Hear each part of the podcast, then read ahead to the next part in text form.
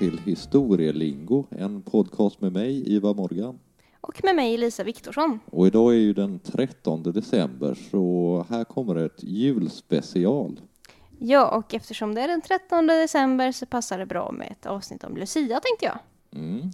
Och eh, det är du som har gjort, främst har gjort research på det här, så jag sätter mig lite i baksätet och låter dig köra. Ja, då tänkte jag att vi ska inte prata så mycket om det italienska helgonet och martyren Lucia. Och hon utan ögon. Ja, om hon hade ögon eller inte kanske vi ska låta vara osagt. Men vi ska inte prata så mycket om henne utan om Lucia-firandet i Sverige, tänkte jag. Spännande, spännande. Och eh, det är inte så enkelt, för det är spretigt och det är influenser från många håll och kanter. Mm. Under medeltiden så firade man naturligtvis Lucias helgondag, alltså Mm. Minnet av helgonet Lucia. Ja, precis som alla helgon har ju dagar. Ja, precis, och de som inte har någon egen dag, de har ju alla helgons dag. Precis, Precis. Men um, Lucia-firandet har ju traditioner både längre tillbaka, alltså innan Sverige var katolskt, i förkristen tid och även i modernare tid, i protestantiska Sverige. Mm. Och det svenska lussefirandet har ju inte så mycket med helgonet Lucia att göra. Och det svenska lussefirandet urskiljer sig ju ganska mycket mot hur man firar Lucia resten av världen. Ja, det kan jag verkligen tänka mig. Ehm, och ehm, jag tänkte att vi börjar ganska långt tillbaka. Okej. Ehm, nämligen, alltså innan 1753 så inträffade vintersolståndet just på Lucia-natten, alltså natten mot 13 december. Ja, för man visst ändrade man kalender där.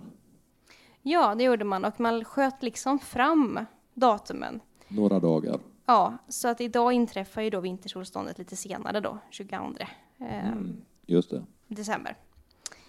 Men vintersolståndet betyder ju årets längsta natt. Mm.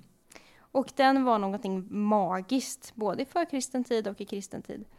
Och det går ju att applicera om man jämför dem med sommarsolståndet, den liksom ljusaste natten, Mm. midsommarnatten som ju också är magisk. Ja, den är väldigt magisk. Precis som eh, ja, Valborg eller skärtorsdagen. Ja, precis.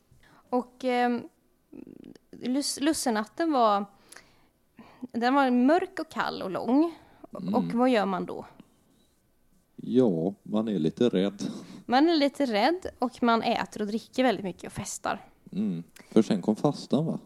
Ja, eh, precis. Den, den var start runt Lucia och man brukar slakta eh, julgrisen Lucia-natten och kalasa på. Mm. I bondesamhället då. Ja, och då får man ju tänka sig vilken lyx det var att kunna kalasa på ett uh, nyslaktat kreatur. Ja, det var ju ingenting man gjorde dagligdags, absolut inte. Ehm, men du sa att man kunde vara rädd också. Mm. Och det var ju för att som så ofta i svensk liksom, folklorism och folktro så, så finns det ju väsen. Ja, det Och det har vi varit inne på förut. ja, precis. Lucia var natten i- innehöll flera väsen. Det kunde vara både i kvinnlig gestalt och i manlig gestalt. Mm. Och då ska vi hålla oss fast vid den kvinnliga gestalten.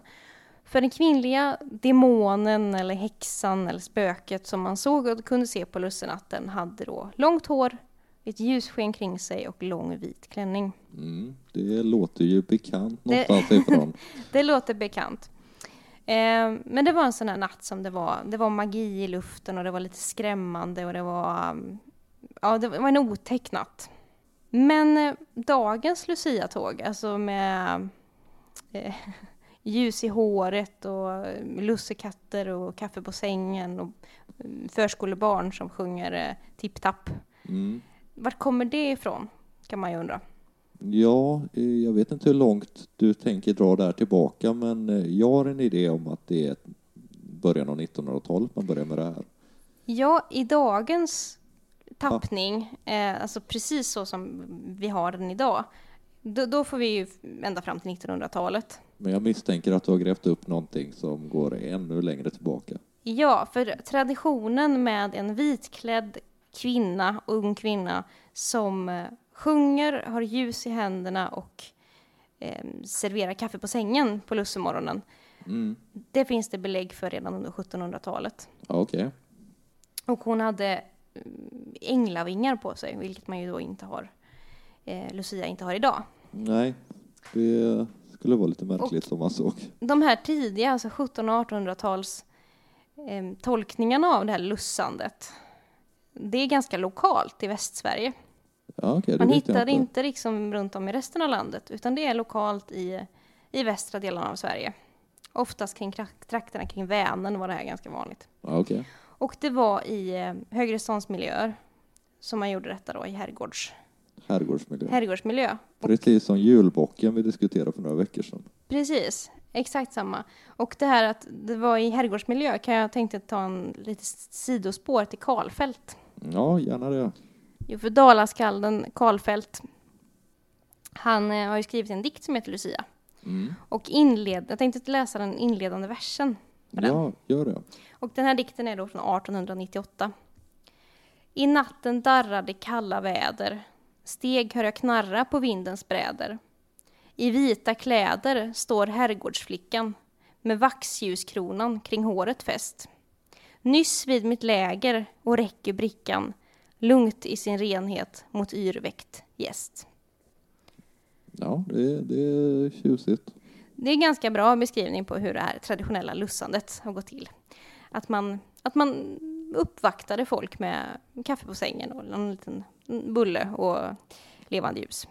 Men därifrån till att ha det här Lucia-firandet vi har idag så är vägen lite brokig. Mm. För det här var ju herrgårdsmiljö i högre ståndskretsar, men lussandet och det här liksom folkloristiska med att man trodde att det var magiskt och man hade åt och drack gott och så, det gjorde man ju även i bondesamhället Mm. Och bondeståndet. hos allmogen. Och eh, man hade olika lekar för sig och sådär just på lussenatten. Och en sån lek, det var att man dansade med lussebruden. Mhm. Och det var ingen människa, utan det var en halmdocka. Ja. Ja, Det, är, det är nästan läskigt många komponenter som stämmer ganska bra på julbocken här också med halm och herrgårdsmiljö och sånt. Absolut. De, de, är, de här två figurerna, Lucia och julbocken, är ganska lika på många sätt skulle jag säga. Fast, eh, och, och, och har varit både skrämmande och glädjande. Även om Lucia idag är förknippad med något väldigt ljust och glatt så har ju lussenatten som sagt varit väldigt skrämmande. Mm.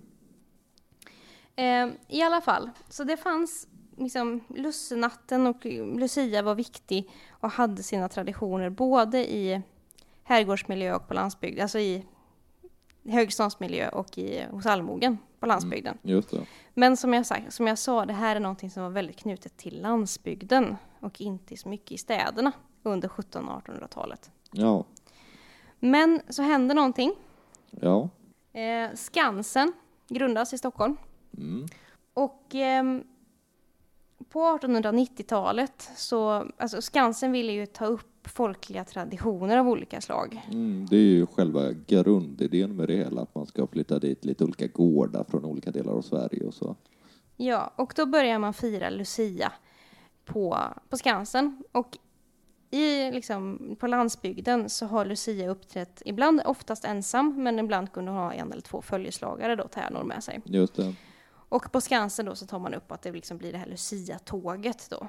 Ja. Och i slutet på 1800-talet så kommer det även in i, mitten, slutet av 1800-talet kommer det in i städerna. Och då först till studentstäderna, Lund och Uppsala. Mm, det kan man tänka sig att det nästan är lite studentikos det där med att eh, klä ut sig Ja. och ställa Men- till med något. Man hade ju ett problem, för det var bara manliga studenter på universiteten vid den här tiden. Just det. Och det var alltså då män som klädde ut sig till kvinnor var Lucia och hade Lucia-tåg. Mhm. Men eh, på Skansen också så är det någonting som ansluter till Lucia som inte har med Lucia att göra. Mhm. Och det är stjärngossarna, Stjärngossarna, som ja. vi känner igen från landets förskolor. Mm. Och eh, det är en parallell tradition kring det här lussandet som man har haft för sig i Västsverige. Spännande. Mm. Och det handlar om unga män som eh, var liksom Staffans gossar och gick omkring mellan gårdarna och eh, sjöng staff, så kallade Staffansvisor och tiggde pengar och brännvin. Ja, okej. Och eh, den här liksom traditionen slogs då ihop med, med Lucia som hade ljus i håret och kaffebricka och sånt där. Ja, och eh, Staffan är ju då Sankt Stefanos som anses vara kristendomens första martyr efter Jesus. Ja, Jag vill minnas att han har helgondag den 26 december. Ehm, det, det stämmer precis 26 december och det var också då som man gjorde de här Staffansvandringarna. Mm. Men det är lite omtvistat huruvida Staffan stalledräng har med Stefanos att göra eller inte. Okej. För han var ju som sagt en martyr som blev stenad 35 efter Kristus. Men han hade inga fålar fem som han vattnade. Nej.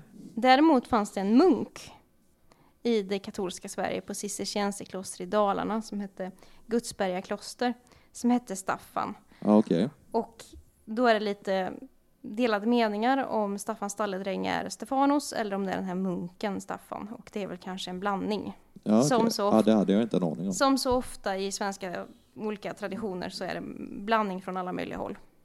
Och på Skansen då så, så börjar man ha de här Lucia-tågen med Lucia, tärnor och stjärngossar. Mm.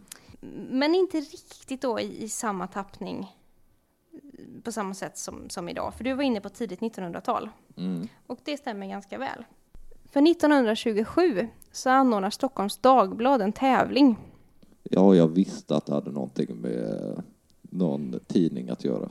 Ja, och det är så att man ska då, Stockholms Dagblad ska arrangera det första officiella Lucia-firandet. Ehm, även om man haft de här inslagen på Skansen så står man liksom medialt det första offentliga liksom. Lucia-tåget. Man gör för första gången ett riktigt stort jippo av det hela. Ja, man gör ett jättejippo och de här Stockholms Dagblad sprider sig så att det är andra tidningar som tar efter. Och det man gör är att man anordnar en tävling där man får rösta fram årets Lucia. Och det är något som har hållit i sig. Jag tror många kommuner fortfarande i Sverige har de här Lucia-tävlingarna, att unga kvinnor får ställa upp på bild och sen så röstar man. Eh, Lite omodernt kan jag Ja, tycka idag. li- lite osmakligt kanske. Men jag tror att det är ganska många eh, kommuner som fortfarande har det. Eh, och det är ju inte heller vuxna utan det är ofta, Tonåringar ofta tonåringar. Ja. Och det kan man ju diskutera men det är inte riktigt rätt forum här kanske. Nej. Och i samband med den här tävlingen 1927 då så kommer också första gången som man använder elektrisk ljuskrona. Ja, okej. Ja, det är ju väldigt modernt. Det är 20-talet. Det är the roaring twenties. Och då är elektriciteten en symbol för modernismen. Precis, och då, då föds liksom den här moderna Lucia-tåget som vi känner igen idag. Och ehm, det här är ju någonting stort. Det det visas i SVT, har gjort ända sedan 1953, har man visat lussefirande. Just det. Och det är ofta inspelat i kyrklig miljö och man blandar liksom generella kristna jullåtar med Staffans visor som egentligen handlar om att man tigger brännvin, för det var ofta andemeningen i Staffans visorna. Ja, lite Ehm. som de här julupptågen vi pratade om eh, med julbocken. Ja, och precis. han hade ju ofta stjärngossar med sitt följe också. Ja, precis. Och ehm, som jag sa, Lucia är en väldigt spretig tradition som har influenser från många håll. Idag kan man ju också se ofta tomtar som är med i, Mm. i Lucia-tåg och man kan säkert ut sig till allt möjligt idag. Men ehm, 1927 så föds då det första liksom, mod- riktigt moderna Lucia-tåget. Då. Ehm, och då har det gått en väg ifrån att man trodde på en kvinnlig demon som gick runt på lussenatten och man slaktade julgrisen till att man bjöd på fika i herrgårdsmiljöer eh, via Staffans visor på landsbygden och, och dansande, av, eh, dansande med halmdockor. Och så landar man då i elektrisk eh, belysning i håret i Stockholm 1927. Mm. Och ehm, som sagt, SVT visade, och en annan tradition som fortfarande hålls fast är ju att Grand Hotel i Stockholm, Mm. de uppvaktar sina nobelpristagare, för nobelpristagarna brukar bo där, och de som har stannat kvar några dagar efter nobelfesten då, de blir uppvaktade eh, med lus- lussande på sängen. Visst var det Martin Luther King som tyckte det var oerhört vackert? Ja, han, det påstås att han har sagt att det var det vackraste syn han har sett. Eh, ja, men eh, det var också problem för att en del nobelpristagare har blivit rädda när det helt plötsligt kommer in en, en, liksom ett följe vitklädda med ljus och sjunger konstiga sånger. Ja, vet man inte vad det är så kanske Så det att- framstår lite sekteristiskt och Ja. obehagligt. Precis, det finns ju, man kan ju dra en parallell till någonting helt annat än luciatåg som är vitklädda och har strutar på huvudet om man säger så. Och eh, facklor i händerna. Precis. Eh, så att jag kan förstå att om man inte känner till traditionen så är nog eh, luciatåg väldigt skrämmande. Men idag så har man rått bot på det och man frågar alltid Nobelpristagarna om de vill ha Lucia-uppvaktning eller inte. Och vill de inte så låter man bli. Ja, ja det, det var ju bra. Så att eh, därifrån kommer den moderna Lucia-firandet. Jag, jag tycker själv att det här var ganska spretig eh, spretig historia. Ja, det måste det vi ju säga att det var. Men det är ju många olika element som ofta liksom är traditioner som sammanstrålar. Men vi kan väl ändå slå fast att den svenska lucian är ganska långt ifrån helgonet, helgonet Lucia. Och vi talade innan om demoner och så. Eh, Lucia kan också historiskt i Sverige kallas för Lucifer. Ja, okej, okay. och det är ju associationer till en helt annan karaktär. Ja, så att ordet lussande kommer inte bara från Lucia utan även från Lucifer. Och då förstår man det här skräckinjagande liksom, mm. häxorna som uppträdde på, på lussenatten. Mm. Så att, men det jag tycker ändå är kul för de här traditionerna vi har i samband med midsommar som har alla möjliga influenser som både har kristna och förkristna eh, inslag. Ja. Eh, men eh, ja, med det sagt så får ni väl ta en pepparkaka och eh, sjunga en Staffansvisa. Ja, och käka på en uh, lussekatt tänker vi att ni äter en luciferkatt. Ja. Eh, och så, det lät inte alls så trevligt. Det, det lät inte speciellt trevligt. Jag hoppas att ni har ett eh, trevligare lussefirande än så. Ni behöver inte eh, sitta och fundera på djävulen kanske. Utan, eh, ja, nej, men eh, vi säger väl så, så hörs vi igen eh, på torsdag med ett helt vanligt lingo. Ja, och eh, innan vi säger då kanske vi ska delge några kontaktuppgifter också. Det är brukligt. Ja, vi har en e-mailadress. historielingo.gmail.com Och på Instagram heter vi? Historielingo, kort och gott. Och eh, vi ber om ursäkt för den här lite röriga, det röriga avsnittet. Ja, det tyckte jag var trevligt. till viss mån stringent. Eh, men vi hörs på torsdag med ett vanligt historielingo och nästa söndag så blir det det sista julavsnittet. Och då ja. kommer vi tala om självaste Tomtefar. Ja. Ha det gott! Ha det bra. Hej.